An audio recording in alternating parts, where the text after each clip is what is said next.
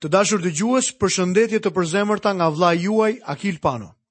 Ju uroj mirëseardhjen në emisionin e sotëm. Sot do të studiojmë nga kapitulli i 15 i Ungjillit sipas Lukës.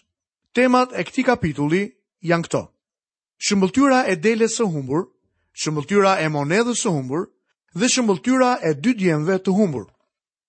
Tani kemi mbërritur ndoshta në shëmbëlltyrën më të dashur që tregoi Zoti ynë ndonjëherë. Ne e quajmë atë shëmbëlltyra e djalit plangprishës. Sfondi për këtë shëmbëlltyrë është ky. Turma të tëra me tagrambledhës dhe mëkatarë erdhën për të dëgjuar Zotin Jezus. Farisenjtë dhe skribët filluan të murmurisnin dhe ta kritikonin Zotin për këtë. Ata skandalizoheshin për faktin që ai mund t'i priste madje edhe të hante me ta. Përgjigja e tij ndaj farisenjve dhe skribëve murmuritës ishte një shëmbëlltyrë. Zakonisht quhen tre shëmbëlltyra. Shëmbëlltyra e deles së humbur, shëmbëlltyra e monedhës së humbur dhe shëmbëlltyra e djalit të humbur. Në fakt janë tre pjesë të së njëjtës shëmbëlltyrë. Mund t'i quaj me plot gojën tre pamje në një kuadër të vetëm. Kur isha fëmijë, shkoja shpesh për të vizituar tezen time dhe më kujtohet që shihja një pikturë të quajtur triptik që ajo e mbante në papafingon e saj, sepse atje flija, kur shtëpia ishte e mbushur me kushërinjtë e mi. Më pëlqente ta shikoja atë pikturë, sepse ishin tri pamje në një kuadër. Kjo është pikërisht ajo çfarë Zoti Jezus na jep këtu. Tre pamje që kanë lidhje me njëra-tjetrën. Dhe kjo është një triptik. Lexojmë në kapitullin e 15 të Ungjillit sipas Lukës, vargu i parë dhe i dytë. Pastaj të gjithë tagrambledhësit dhe mëkatarët i afroheshin për ta dëgjuar. Dhe farisenjtë dhe skribët murmurisnin duke thënë: Ky i pranon mëkatarët dhe ha bashkë me ta. Nuk mund të rri pa treguar historinë e një vajze të vogël që e dëgjoi këtë varg. Në një natë të ftohtë në Londër, Ajo shkoi duke u dridhur në strehën e një kishe ku po zhvillohej shërbesa fetare. Pas shërbesës, kur të gjithë njerëzit ishin larguar, ajo arriti me vrap famulltarin dhe i tha: "Zotëri, nuk e kam ditur kurrë që emri im ishte në Bibël." Ai buzëqeshi. "Mirë vogëlushe, si të quajnë ty?" "Emri im është Edit," u përgjigj ajo. "Është Edit? O, më vjen keq të të zhgënjej ty, Por emri Edit nuk gjendet në Bibël. Ajo insistoi. Po, po, është. Unë të dëgjova ty që po lexoje sot. Ti the, Jezusi pranoi mëkatarët dhe Editin bashkë me ta. Në fakt, fjala Edit në anglishten e vjetër do të thoshte hëngri. Sigurisht Zoti Jezus pranon Editin, Marinë dhe të gjithë të tjerët si ne. Lavdi Zotit që pranon mëkatarë. Shëmbëlltyra e deles së humbur. Në këtë shëmbëlltyrë të mrekullueshme, do të shohim pamjen e parë atë të një deleje të humbur. Lexojmë nga vargu 3 deri në vargun e 7. Atëherë ai u tha këtë shëmbëlltyrë. Cili njeri prej jush, që ka njëqind dele dhe një prej tyre t'i humbasë, nuk i lë të nëntëdhjetë e nëntat në shkretëtirë, dhe nuk shkon pas asaj që humbi derisa ta gjejë. Dhe kur e gjen, e merr mbi supe gjithë gaz. Dhe kur arrin në shtëpi, i thërret miqtë dhe fqinjët dhe u thotë: Gëzohuni bashkë me mua, sepse e gjeta delen time që më kishte humbur. Dhe unë po ju them se po kështu në qiell do të ketë më shumë gëzim për një mëkatar të vetëm që pendohet, sesa për 99 të tjerët që nuk kanë nevojë të pendohen. Bariu në këtë shëmbëlltyrë është bariu i madh, Jezu Krishti. Ne jemi delet e tij. Ai kishte njëqind dele dhe njëra prej tyre humbi. Me thënë të drejtën do të kishte qenë një përqindje e mirë, të filloje me njëqind dhe të përfundoje me 99. Gjithsesi, ky bari nuk do të ishte i kënaqur vetëm me 99 dele. Kur i humbi një dele, ai doli ta kërkojë, Kur e gjeti e vuri në shpatullat e tij, në vendin e forcës. Ai është i aftë të shpëtojë të humburit, madje edhe në skajet më të largëta të botës. Kryeprifti i, i fëmijëve të Izraelit mbante një efod. Në supet e efodit ishin dy gurë, gjashtë fise në njërin gur dhe gjashtë në një tjetër. Kryeprifti i mbante fëmijët e Izraelit në shpatullat e tij.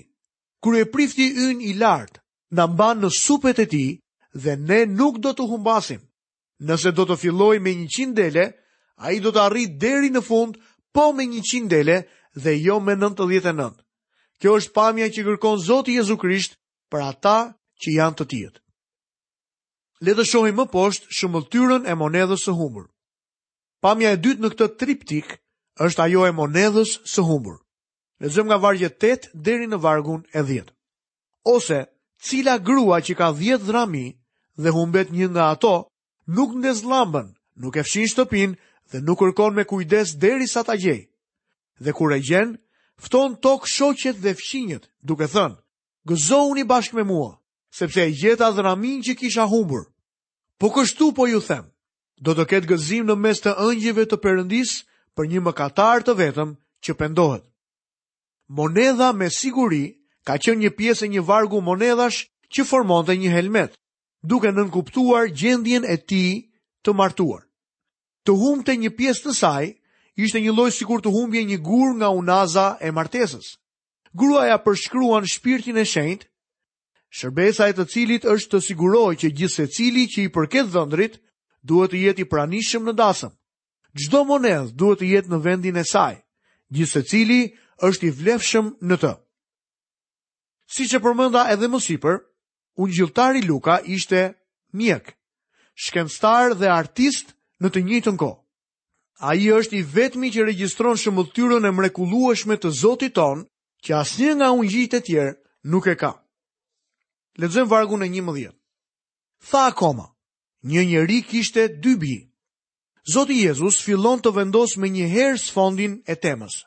Dhe unë shoh një shtëpi të këndshme, sepse kjo do të përfaqësojë shtëpinë e atit, atit qiellor. Dhe ajo është një shtëpi e lavdishme, Ajo është shtëpia që ka gjithë rehatinë, gëzimin, dashurinë që ka hyrë ndonjëherë në shtëpi. Në atë shtëpi ishte një njeri që është ati Perëndi. Dhe ky atë kishte dy bij. Në fakt kishte më shumë se dy, por këta janë përfaqësuesit. Njëri nga djemtë quhet i madhi dhe tjetri quhet i riu. Shohim kështu këtë shtëpi të këndshme dhe përpara saj, atin dhe dy bijtë.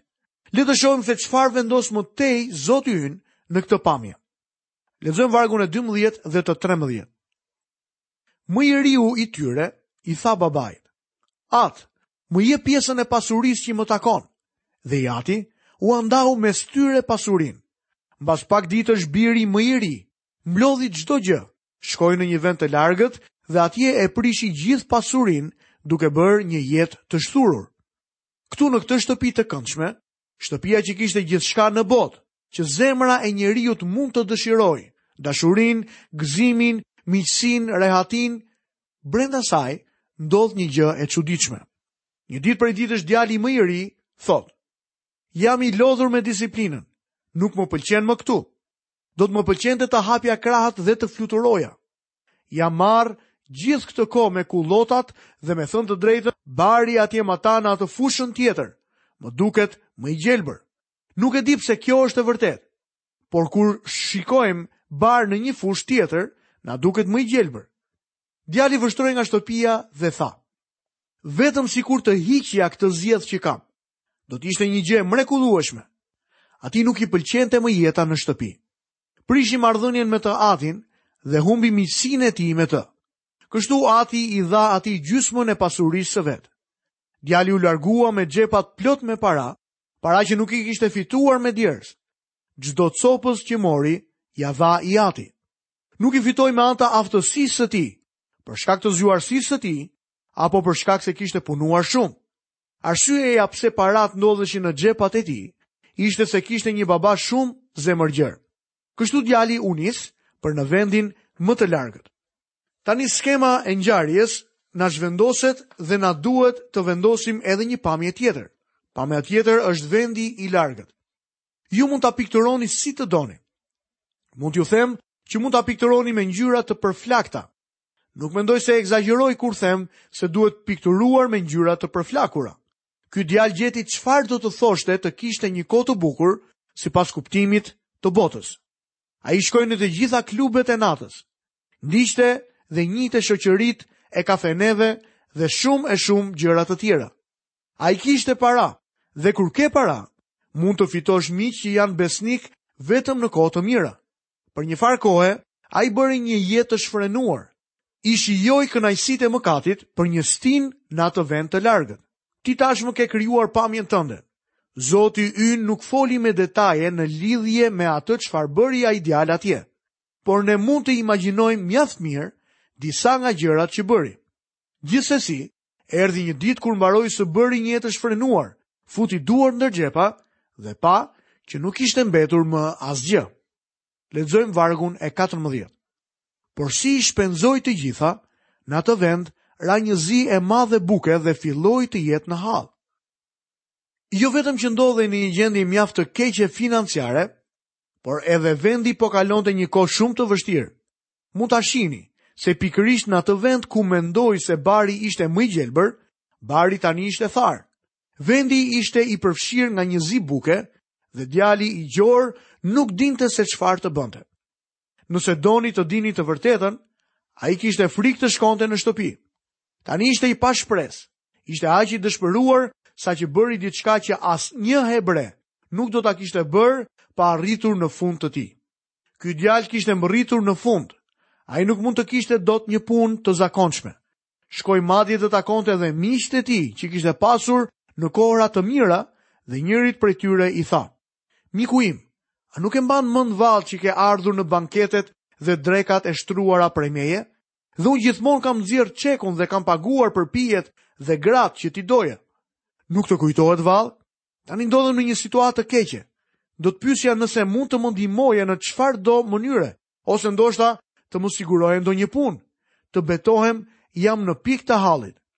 Dhe ky mik, që kishte qenë i mirë vetëm për kohërat e mira, i thoshte, o më vjen keq, të kanë humbur të gjitha paratë e tua, më fal mik, por nuk mund të të ndihmoj dot. E kam mbyllur me ty, nuk më intereson më. Sekretarja ime do të të shoqërojë për tek dera. Dhe pasi shkoi nga një vend në tjetrin, djali zbuloi se nuk kishte asnjë mik të vërtetë në këtë vend të largët. Në fund shkoi në kufi të qytetit, ku ishte një burrë që rriste derra dhe kjo mund të dallohej me mijëra milje larg dhe i tha: "Kam nevojë për një punë." Burri iu përgjigj: "Nuk mund të të paguaj për shkak të vështirësisë së madhe ekonomike që kemi, por nëse mund të merresh me derrat, të paktën mund të hash këtu." Pikërisht, kjo ishte pika ku ai kishte rënë. Kur Zoti Jezus tha se ky djalë dëshironte të mbushte barkun me lendet që hanin derrat, çdo izraelit, farise apo tagrambledhës që po e dëgjonte, do të ishte dridhur, sepse një hebre nuk mund të binte më poshtë se kaq. Ai nuk duhet të kishte të bënte fare me derrat, për shkak të ligjit të Moisiut që e ndalonte këtë. Por të ndaloje në atë vend dhe të jetoje me derrat, ishte me të vërtetë e tmerrshme. Kjo është pamja e errët. Mund ta shihni fare qartë që ky djalë ka arritur fundin e fundit. Dikush mund të thotë menjëherë, ky djalë është mëkatar dhe duhet të shpëtohet.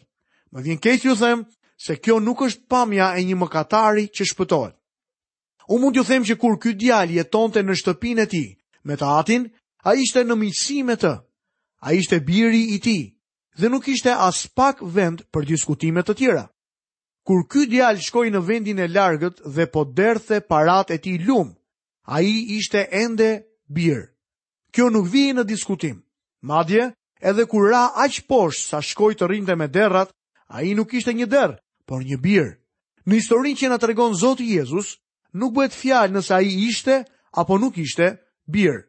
Ai ishte bir gjatë gjithë kohës. Dikush mund të thotë, atëherë ky nuk është ungjilli. Por unë po ju them që është ungjilli. Gjithsesi le të kuptojmë së pari se për çfarë bën fjalë shëmbëlltyra. Shëmbëlltyra nuk flet për shpëtimin e një mëkatari. Ajo zbulon zemrën e një ati që jo vetëm shpëton mëkatarët, por mund të pranojë sërish edhe një bir që mëkaton. Lexojmë vargun e 15 dhe të 16. Atëherë shkoi dhe iu ngjit pas një banori të atij vendi, i cili e çoi në arat e tij që të ruajë derrat. Dhe ai dëshironte të mbushte barkun me lendet që hanin derrat, por askush nuk ia jepte. Ndoshta pak më lart mund të kemi menduar që e ekzagjerova ca kur thashë që miqtë e tij nuk mundën ta ndihmonin. Zoti ynë na e tha qartë se ata nuk e ndihmuan, por askush nuk i jepte. Pse ndodh sot që të krishterët kanë përshtypjen që njerëzit e botës janë me të vërtetë miqtë e tyre, kur ata përpiqen t'i largojnë nga Zoti? Besimtarët mendojnë shpeshherë në këtë mënyrë. Kështu mendonte edhe ky djalë. Ai u largua nga shtëpia, nga babai i tij. Shkoi shumë, shumë larg. Mendoi se këta njerëz ishin miqtë e tij. Nuk kemi asnjë letër që u shkroi miqve të tij kur u largua nga shtëpia, por nëse do të kishim pasur një, mendoj që mund të ishte si vijon. Them se duhet të vish këtu. A e di, ka me të vërtetë disa njerëz të mirë këtu ku jam. Po të them që po ia kaloj me të vërtetë në mënyrë të shkëlqyer. Ti duhet të vish këtu. Por erdhi dita kur ky djalë zbuloi se ata nuk ishin miqtë e tij. Askush nuk i jepte diçka. Tani e gjitha kjo ishte ana e errët e pikturës dhe mendoj se ka ardhur koha të shohim disa nga ngjyrat e ndritshme që pikturoi Zoti ynë. Zoti ynë e heq gjithmonë sfondin e zi dhe vendos në planin e parë ngjyrat e mrekullueshme në këtë pamje. A e keni vënë re që Zoti Jezus pikturon në këtë mënyrë? Kështu në sfondin e errët të mëkateve të këtij djali, poshtë në stallën e derrave, larg marrëdhënies me atin e tij, duke e ditur që ishte larguar nga shtëpia me zemërim, Zoti ynë fillon të vendosë disa ngjyra të çelura. Lexojmë në vargun e 17. Atëherë erdhi në vete dhe tha: Sa punëtorëve mëditës të atit tim u tepron buka, kurse unë po vdes nga uria. Ai erdhi në vete. Mëkati na bën një gjë të tmerrshme. Na bën të shohim botën jo në mënyrën e duhur. Bën që ne ta shohim veten në dritën e gabuar. Mëkati na bën që t'i shohim kënaqësitë e kësaj bote me perspektivën e gabuar dhe si pasojë nuk mund të shohim qartë se ku ndodhemi në mëkat. Kur ky djalë ishte në shtëpinë e tij, i hodhi sytë përtej tek vendi i largët dhe çdo gjë iu duk e mrekullueshme. Bari ishte jashtëzakonisht i gjelbër dhe kënaqësia depërtuese. Por tani papritur dhe pakujtuar, ai vjen në vete. Gjëja e parë që bëri Ishte një arsyetim i vogël. Filloi ta vinte pak trurin e tij në punë. Ai tha: Unë jam bir i një ati të mirë dhe jam shumë larg prej tij, në një vend të largët. Jam ulur në një stallë derrash dhe po ngordh urie. Ndërkohë që në shtëpinë e babait tim, edhe shërbëtorët jetojnë më mirë se unë. Fakti që jam larg nuk do të thotë gjë. Unë prapë jam biri i tij. Vetëm kur filloi të mendojë në këtë mënyrë, kur e vuri mendjen në punë, filloi të kuptojë. Dhe ky djalë i ri tani fillon të veprojë me zgjuarsi. Ai thotë me vete. Lexojmë vargun 18 dhe 19. Do të çohem dhe do të shkoj tek im atë dhe do t'i them. Atë, mëkatova kundër qiellit dhe para teje. Nuk jam më i denjë të quhem yt bir, trajtomë si një nga mëditësit e tu. Tani do të shohim një pamje me të vërtetë të bukur. Kjo është pamja më e shndritshme e pikturës dhe e shtëpisë së këndshme, për të cilën po ju tregojmë. O është një shtëpi me të vërtetë e mrekullueshme, është shtëpia e atit. Zoti Jezus tha, në shtëpinë e atit tim ka shumë banesa. Kjo është shtëpia. Shtëpia ndodhet aty në sfond dhe unë po shoh një atë që po shikon nga dritarja. Ai shikonte çdo ditë nga dritarja që ditën kur i biri i tij u largua. Dhe a e dini përse? Sepse e dinte që një ditë ai djalë do të ecte me mundim në rrugën për t'u kthyer mbrapsht në shtëpinë e tij. Dikush mund të pyesë, a e beson se nëse ke qenë një herë i shpëtuar, pamvarsisht se çfarë bën, je gjithmonë i shpëtuar? Dikush tjetër mund të thotë, a beson se një i krishterë mund të bjerë në mëkat? Po, besoj se një i krishterë mund të bjerë në mëkat. Çdo bir i atit që shkon në vendin e largët dhe përfundon në stallën e derrave, pavarësisht se sa pis bëhet ose se sa poshtë bie, nëse është bir i atit, një ditë do të thotë, unë do të ngrihem dhe do të shkoj tek ati im. Të dashur miq, këtu kemi mbërritur dhe në mbylljen e emisionit të sotëm. Bashkë mirudëgjofshim në emisionin e ardhshëm.